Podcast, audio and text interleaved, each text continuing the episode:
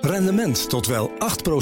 Ontdek Unity. Wij bieden koppelbare werk, kantoor en opslagruimtes die staan voor duurzaamheid, kwaliteit en veelzijdigheid. Sluit je aan bij Unity, waar alle ruimte is voor creativiteit, lef en rendement. Kijk voor meer informatie op unity-units.nl.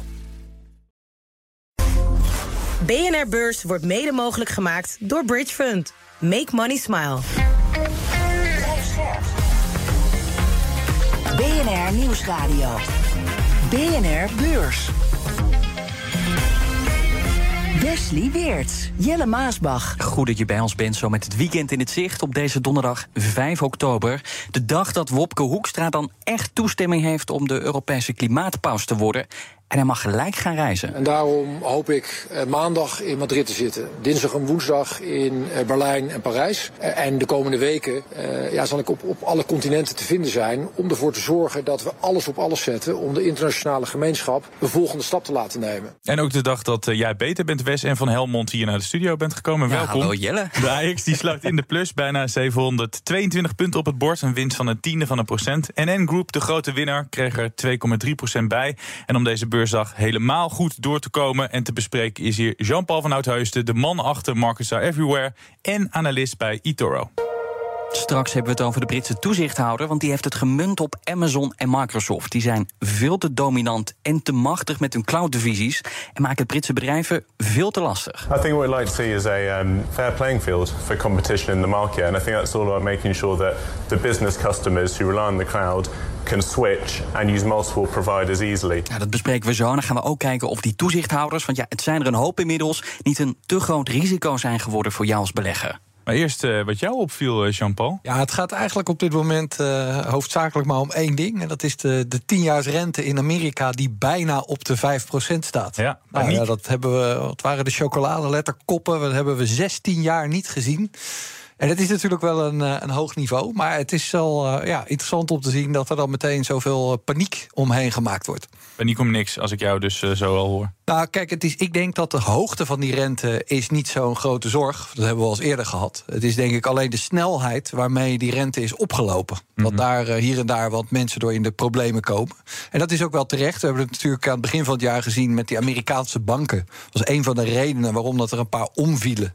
Is omdat ze uh, de balans niet goed op orde hadden. Dus zoiets zou bij die kleinere banken best wel weer kunnen. Maar in zijn algemeenheid uh, ja, ligt de beurs er eigenlijk best goed bij. Nou, dan wil ik het hebben over een gênante beursgang in Duitsland. Of beter gezegd, de beursgang die er niet kwam. Het gaat om een militaire leverancier, Renk, dat versnellingsbakken voor tanks en marineschepen maakt. Het zou vandaag naar de beursgang alles al klaar. Banners, slingers, de taart stond denk ik ook al klaar bij de Frankfurt Stock Exchange. Maar gisteravond, een paar uur dus voor die beursgang, is het hele feest afgeblazen. Dat is een heel kort dag, maar wat is de reden? Ze zien het niet meer zitten. In een heel kort bericht oh. zegt het nou. bedrijf... in de afgelopen dagen is de marktomgeving merkbaar vertroebeld. Dat zonder verdere details. Mm -hmm. Maar het heeft ongetwijfeld te maken met de andere defensieaandelen. Die doen het uh, sinds het politieke gedonder in Washington uh, slecht. Ja, Jean-Paul, die reden die wordt gegeven... ben je het daarmee eens dat de markt op dit moment... niet goed is voor een beursgang? Ik ben het vooral eens met wat jij zegt. Dat in, uh, in Washington, uh, dat Biden op een gegeven moment gezegd heeft... van ja, weet je, als je die, uh, dat budget voor de Oekraïne verder niet goedkeurt... Ja. Dan, ja, dan komen we in de grote problemen. Uh, ja, voor de rest is het natuurlijk de laatste dagen. Ik zei net al, het sentiment is niet zo heel goed. Het is wel heel erg klunzig om dat de avond van tevoren nog af te blazen. Ja, toch? De exacte reden daarvoor kennen we natuurlijk ook niet. Maar het is niet zo dat je nu bezorgd bent om het klimaat voor beursgang. Het heeft meer specifiek met dus die defensiebedrijven te maken. Nou ja, dat, dat moet je zien. Dat weet ik niet. Het kan ook te maken hebben. Ik denk als het uh, opgezet zou zijn in Amerika, dat het misschien gewoon door was gegaan. We moeten dat even afwachten. Heb ik een bedrijf dat wel naar de beurs trok? En dat is een van de grootste robotmakers van Zuid-Korea. Dosan Robotics heet het bedrijf. En dat heeft dus voortaan een notering. Je kunt er dus in beleggen. En de eerste beursdag is meteen een knallen. Want eventjes stond het aandeel Dosan Robotics zelfs 160% hoger. Zijn dat van die robots die op mensen lijken? Nee, ik heb daar wel even op gegoogeld. Maar ze maken robotarmen en die worden dan gebruikt voor koffiezetten, het serveren van bier, het frituren van kip, maar bijvoorbeeld ook in de bouw voor ja, het leggen van vloeren bijvoorbeeld. En dat die aandelen op dag 1 zo hard omhoog gaan, dat zegt ook wel veel over de populariteit van die robotaandelen, zeker in Zuid-Korea, want dat land is werelds grootste robotgebruiker. En die aandelen die behoren dit jaar zelfs tot de meest gewilde in Zuid-Korea. En dat komt dan weer vooral doordat de overheid en grote bedrijven als Samsung hun investeringen er flink in, hebben opgevoerd. Ja, Jean-Paul, al tientallen jaren horen we dat ja, robots de werkvloer gaan overnemen. Dat is dan een bedreiging voor ons, voor onze banen.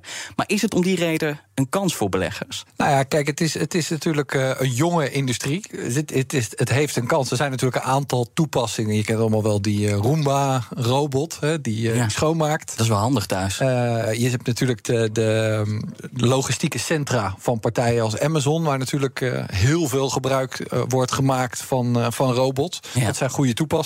Het probleem in zijn algemeenheid met die robots... vaak de, de, de plaatjes en de beelden zien er mooi uit. Maar om het echt productief te laten zijn... dat is niet in elk bedrijf uh, altijd even makkelijk. Maar zijn het domme robots dan? Nee, maar misschien ken je die beelden wel van, uh, van Boston Dynamics. Ja, dat is natuurlijk eens leuk als je de, de robots uh, een beetje een dansje kan laten doen. Ja. Maar ja, weet je, wat, wat, heb, je, wat heb je, er verder aan?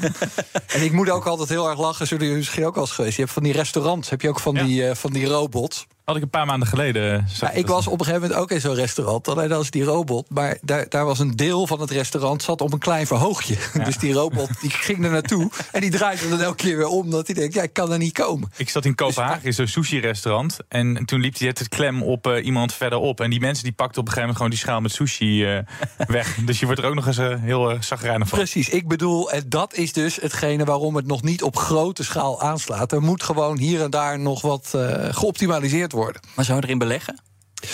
Nou, op dit moment is het lastig, omdat die rente zo hoog staat. En die jonge bedrijven die dat soort dingen allemaal doen, die hebben vaak gewoon elke keer nog financiering nodig. En daar is nu net het beursklimaat niet voor. Maar als er een goed verhaal is voor de lange termijn. en het businessplan zit ook in elkaar. dat je je niet zorgen hoeft te halen dat je elke keer weer nieuw geld op moet halen. dan is het zeker interessant. We hebben Duitsland gehad, vliegen we nu door naar het Verenigd Koninkrijk. Naar Londen precies te zijn, naar het hoofdkantoor van Shell personeel daar is flink bezorgd, meldt persbureau Bloomberg. Bezorgd over waar het bedrijf naartoe gaat. En daarom moest de baas van Shell, Waal Saben, zijn mensen toespreken. De man die zijn baan tot nu toe zo omschrijft. I think it's been a rollercoaster. Uh, it's the worst of times and it's the best of times. Ja, dan is er ook nog eens onrust ontstaan, zegt eh, Bloomberg, over zijn plannen om meer te gaan investeren in fossiele brandstoffen. Dus dacht de topman, ik organiseer een bijeenkomst waarbij iedereen vragen kan stellen. Nou, die bijeenkomst is op 17 oktober, maar mensen die konden al vragen en opmerkingen opsturen. Ja, dan voel ik hem ook al een beetje aankomen, maar wat voor vragen werden er nou gesteld? Ze waren best wel eerlijk. Een van hen eh, die zegt dat werken voor Shell moeilijk te rechtvaardigen is tegenover mijn kinderen. En een ander schreef dat Shell meer lijkt op een bedrijf van gisteren dan op een bedrijf van morgen. Gaat hij zijn beleid wijzigen uh, naar aanleiding van die vraag? Of is dit gewoon een bijeenkomst voor de bühne?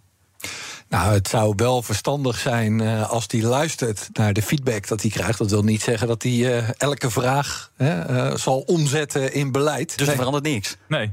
Nou ja, dat, dat zal moeten blijken, maar ik denk het niet. Het is natuurlijk ook een interne aangelegenheid. Hij moet gewoon duidelijk maken waar hij voor staat, waar hij naartoe wil. Uh, en dan kunnen de mensen kijken of ze daarbij willen zijn of niet. Dus het is goed om daar in ieder geval open over te zijn. Nou, heb ik nog wat. Treinenmaker Alstom, want dat beleefde de meest dramatische beursdag in 20 jaar tijd. En dat Franse bedrijf dat bouwt onder meer de TGV, maar bijvoorbeeld ook de nieuwe Intercity-treinen voor de NS. En dat verliest bijna 40% op de beurs. En reden voor dat gigaverlies is een serieus winstalarm. Of eigenlijk waarschuwt Alstom voor een negatieve vrije kaststroom van maximaal 750 miljoen euro. Negatief dus, terwijl het eerder nog rekende op een uh, aanzienlijk positieve vrije kaststroom. Nou, hoe komt dat nou? Alstom kampt met grote voorraden. Er zijn meer bedrijven die dat doen, maar daardoor wordt het dus ja, veel geld blijft in dat bedrijf zitten. Dat die voorraden zo groot zijn, komt door tegenvallende en vertraagde bestellingen. Maar ja, ondertussen moet het wel blijven produceren, omdat anders die fabrieken stilvallen. En die voorraden, ja, die zijn nodig om straks weer op tijd te kunnen leveren. Maar ja, ze zorgen dus wel voor die negatieve kaststroom. Straks hoor je over een eh, bedrijf dat meer dan 70 miljard dollar waard is. Maar waar je waarschijnlijk nog niet vaak over hebt gehoord. Nou, daar brengt Jean-Paul verandering in, want het is zijn beste aankoop ooit.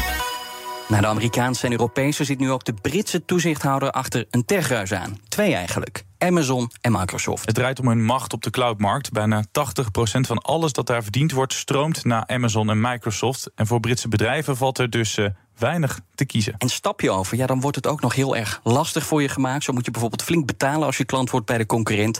Ja, en er wordt nu dus verder onderzoek gedaan naar de bedrijven. En als Amazon en Microsoft pech hebben, ja, dan grijpt de toezichthouder fors in. En zo kan het ze dwingen om onderdelen te verkopen of activiteiten te stoppen. En nou lijkt het, en het is ook wel een beetje zo, dat elke toezichthouder over de hele wereld een onderzoek start, een zaak start. Maar wanneer zegt de rechter of toezichthouder nou: het is klaar, Jean-Paul? Ja, dat is een hele goede vraag. Eh, ik, uh, ik ben het al met je eens. Kijk, dit ook, uh, want het is dan de telecom-toezichthouder die zegt... nou, er moet naar gekeken worden. Is mm -hmm. een andere toezichthouder die gaat het uitvoeren. Oh, ja. En heb je gelezen wanneer ze klaar zijn? Uh, 18 maanden, las ik. Nou ja, e eind 2025 zag ik ergens voorbij komen. Ja, weet je, um, dan is het flauw gezegd... Uh, zo'n zo toezichthouder is dan ook weer twee jaar onder de pannen. Dus het is natuurlijk eigenlijk wel belangrijk... Uh, dat degene die daar budget voor geeft om het onderzoek te doen... ook wel even kritisch gekeken heeft van wat gaan we hier nou precies doen... Ja. en wat voor rendement gaat het opleveren. Weet, weet je wat ik nou zo debiel vind? Dat is dat die bedrijven die konden zo groot worden... onder toezicht van die toezichthouders. Maar waarom grijpen ze elke keer pas zo laat... en dus eigenlijk achteraf pas in? Ja, eh, ik heb daar ook het antwoord niet op. Maar het is in ieder geval een feit dat dat gebeurt. Nou ja, eh, frustreren niet. Kijk, eh, op, de, op, de, op de beurs kijk je gewoon hè, dat je denkt: is dit nu een bedreiging voor het beleggen in die aandelen? Nou, voorlopig niet, want dat onderzoek loopt. Op termijn zou dat wel kunnen. Maar dit is natuurlijk ook niet iets wat alleen in de, in de UK speelt. Hè. Dat zou je dan natuurlijk breder moeten bekijken. Uh, dus ja, in die zin uh, uh, kan je er ook niet zo heel veel mee. Jean-Paul Google is ook geen kleine jongen, maar die blijft de eeuwige nummer drie achter die twee, Amazon en Microsoft. Is het omdat Amazon en Microsoft nou zo gigantisch zijn? Uh, of bieden ze ook gewoon betere producten aan dan, dan een Google op die cloudmarkt? Nou ja, kijk, het, het, het is natuurlijk. Uh, dus, dus Amazon en Microsoft zijn in de UK, dat stond in het bericht, zijn een beetje de, de leidende partijen. Die hebben een marktaandeel, geloof ik, tussen de, de 70 en de 80 procent van die hele markt. Als je Google er nog bij optelt, gaan ja. ze, geloof ik, richting de 90. Ja, ja dat zijn uh, bedrijven die hebben dat spelletje natuurlijk uitgespeeld. Die waren als eerste, die hebben dat goed doorgezet. Ja. En als jij als bedrijf bij de ene zit, dan stap je ook niet zo heel erg uh, makkelijk over naar de ander. Ja. ja, ik denk dat als je dat op een gegeven moment zou willen, ja, dan kom je waarschijnlijk, als je nu bij de een zit, waarschijnlijk bij een van die twee anderen terecht. Ja. Want er is niet een lokale partij of een Europese partij die op de deur staat te kloppen van, uh, ja, ik wil er wel door, maar het lukt niet. Ik zag wel een mooi interview van CNBC met die toezichthouder. Die zei: Ja, waar maken we ons eigenlijk druk om? Want die partijen hebben ervoor gezorgd dat cloud betaalbaar is. Dus hoe erg is die dominantie van die twee partijen dan? Als wij er als consumenten of, of kleine bedrijven er niet zoveel van merken. Nou ja, ik denk dat je het om moet draaien. Kijk, het is natuurlijk fijn als er concurrentie is. Want die, die marges die die bedrijven maken zijn natuurlijk enorm groot. Dus uh, als afnemer daarvan, als klant daarvan, is het natuurlijk fijn als je kan kiezen. Maar dat is juist het punt: er is niet zoveel keus. Dus wat ze eigenlijk zouden moeten doen, is gewoon een nieuwe cloud uh, bedrijf opzetten wat kan concurreren met die partij. Dan heb je ook wat meer een vuist te maken op het moment dat je met ze praat. Is dat wel te doen? Nou, blijkbaar niet, anders was het al gebeurd. Nee. ja. En hoe langer het duurt, de voorsprong is natuurlijk heel groot. Ja, het zegt niet dat het. Uh, ik zou niet weten waarom het niet zou kunnen gebeuren. Maar feit is in ieder geval dat we dat nu al uh, heel lang niet gezien hebben. Nee, hij zei dat die zaak nu nog geen bedreiging of risico is voor beleggers. Maar ondertussen, eh, Amazon ligt ook onder vuur vanwege de webwinkel. Bij Microsoft ja, speelt nog steeds die overname van Activision Blizzard. Ook daar zijn toezichthouders uh, ja, mee bezig. Wanneer wordt het nou wel een risico voor beleggers? Nou, nou hetgene waar ik op let is, kijk, dan moet je toch gewoon naar Amerika zelf kijken, waar die bedrijven zitten. En op het moment dat zowel de Democraten als de Republikeinen ermee eens zijn dat ze zeggen: hier moeten we wat aan doen, dan wordt het een risico. Ja, want uh, dat zie je wel vaker. Als die gewoon met z'n allen een meerderheid hebben, dan kunnen ze zeggen: Nou, we gaan het gewoon doen. Maar Europa doet er niet toe. Nou, in, in de basis niet. Uh, want dan krijg je altijd het dreigement uh, wat uh, Facebook op een gegeven moment heeft gehad. Die gezegd, nou ja, weet je, als die regels nog strenger worden... dan zet ik alle schermen op zwart. Ja, dat willen ze richting de achterban waarschijnlijk niet. Dus ik zie dat er niet zo heel snel van komen. Dus nog nu maak je op dit moment niet zorgen om Microsoft, om Amazon. Dat vind jij geen risicovolle bedrijf? Ik kijk met name naar de. Er lopen natuurlijk wel allemaal rechtszaken in Amerika aanklagingen. Google is dingen. En dat is wel ook wel interessant, hè? Want daar had je bijvoorbeeld de topman van Microsoft. Die zei van ja, we praten wel over het, uh, het wereldwijde openbare internet, maar het is eigenlijk een Google Web. Hè? Want dus ik probeer met Bing al de hele tijd ertussen te komen. Dat lukt gewoon niet. Dat zijn wel interessante discussies. Zonder dat dat nou meteen leidt tot een conclusie. Maar uh, je moet goed in de gaten houden of er een politieke meerderheid is om er wat aan te doen. BNR Beurs. En over de Verenigde Staten gesproken. Wall Street, Dow Jones staat een half procent in de min. De S&P 500 verliest 0,6 procent. De Nasdaq 0,7 procent. Rivian wil ik er even uitpikken. 19 procent naar beneden. De maker van elektrische auto's heeft geen lekkere handelsdag. Heeft alles te maken met de aankomende kwartaalcijfers. Ze waarschuwen namelijk dat en de omzet gaat tegenvallen. En oh ja, dat ze ook nog even anderhalf miljard willen ophalen. Volgt allemaal op nieuws dat het bedrijf geld verbrandt. De Wall Street Journal die kwam deze week met een pijnlijke berekening.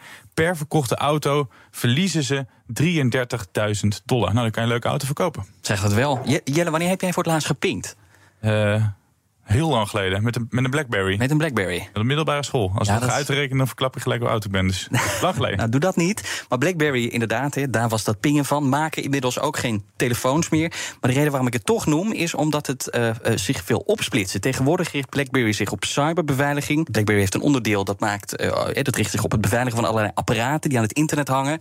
Denk bijvoorbeeld aan slimme thermostaten, aan auto's. En dat onderdeel dat wil Blackberry nu los naar de beurs brengen. En volgend jaar moet dat gebeuren. In die opsplitsing die moeten dan onder meer voor zorgen dat de waarde van het bedrijf beter naar voren komt. Nou, ben heel benieuwd.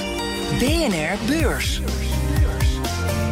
Ja, waar ik ook eh, benieuwd naar ben, de hele week al naar onze gasten en hun meest succesvolle aankoop op de beurs. Dat mag dit jaar zijn of in een ver verleden. En we willen altijd weten, hadden zij zelf verwacht dat deze aankoop zo'n succes zou worden? Nou, ik verklap het al. Jij hebt een succesvolle aankoop. Het is een miljardenbedrijf inmiddels brandlos. Ja, uh, Palo Alto Networks, cybersecurity. We hebben het hier uh, wel eens een keertje vaker over gehad. Ja, daar heb je het vaak over gehad. Uh, maar ik heb te kijken naar dit jaar. Ik heb hem overigens al wel wat langer. Maar dat is degene die er wel, wel uitspringt. Kijk, als je naar het lijstje kijkt. Ik had zo'n lijstje onder ogen van de beste S&P 500 bedrijven van dit jaar. Dan had je natuurlijk eigenlijk Nvidia, Tesla, Meta had je moeten hebben. Ah, Palo Alto staat op een keurige zevende plek.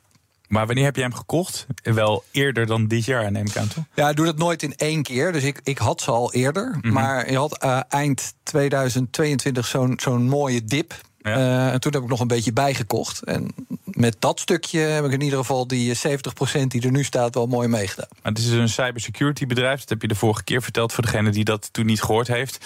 Ja, daar ben je echt verliefd op, zou je wel kunnen zeggen. Ja, daar moet je altijd mee uitkijken. Maar kijk, het is een markt uh, dat je zegt van... joh, weet je, wat doe je nu? Stop je met aandelen omdat die rente zo hoog is? Ga je over naar obligaties? Of ga je kijken naar bedrijven die gewoon uh, een hele lange weg vooruit hebben... nog heel erg kunnen groeien, goede marges maken? Ja, en daar zit dit in. Cybersecurity is gewoon steeds meer een eerste levensbehoefte. Ik denk als er ergens in een boardroom mensen zitten vergaderen... waar gaan we op bezuinigen? Dan zeggen we, niet op de beveiliging. Dus het is een goede business. En Palo Alto laat gewoon zien dat ze een heel sterk platform hebben. Ze weten ook gewoon grote deals te winnen. Ja, dan is je vraag, had je dat dan kunnen zien aankomen? Ja, dat niet. Maar die CEO die heeft er dus gezegd van... Uh, ik wil het eerste cybersecurity bedrijf worden... wat 100 miljard waard is. Hoe zit het nu op 70? Oké. Ja, 70. Nou. En uh, dat ritje wil ik wel meemaken. Ik denk dat dat wel gaat gebeuren. En, en ik noemde net BlackBerry, richt zich tegenwoordig ook op cyberbeveiliging. Maar wat doet Palo Alto beter dan zijn concurrenten? Nou, van origine is die sector zo dat je eigenlijk voor elk onderdeeltje een specialist hebt. Dus je werkt met verschillende uh, ja, providers. Mm -hmm. uh, zij hebben gezegd, die Nikesh Aurora, die heeft gezegd: joh, ik wil een one-stop shop zijn.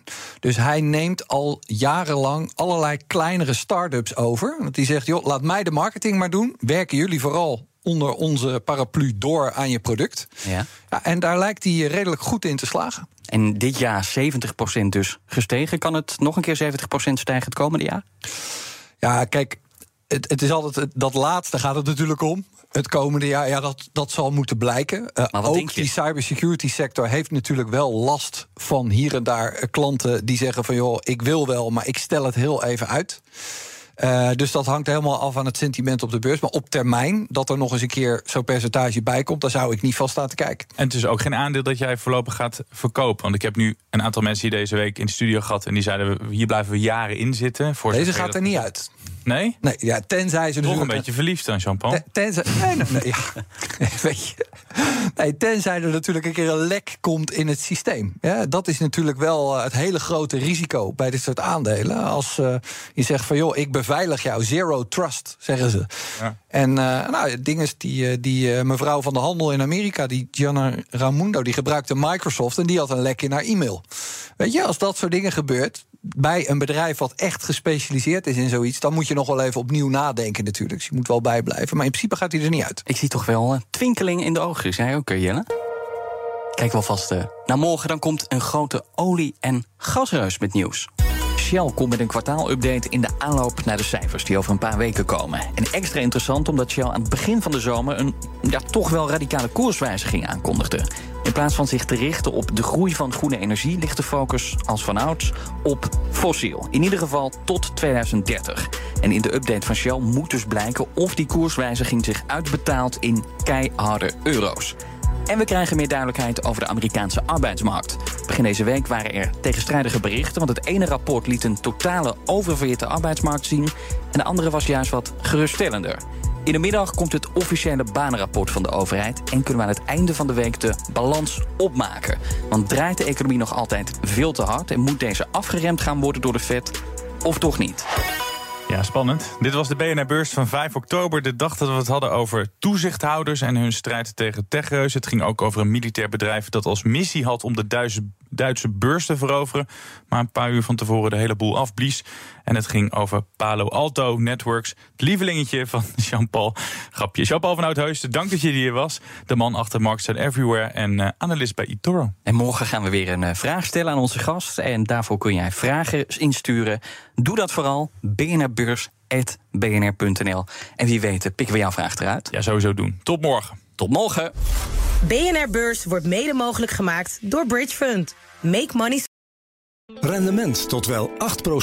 Ontdek Unity. Wij bieden koppelbare werk, kantoor en opslagruimtes die staan voor duurzaamheid, kwaliteit en veelzijdigheid. Sluit je aan bij Unity, waar alle ruimte is voor creativiteit, lef en rendement. Kijk voor meer informatie op unity-units.nl.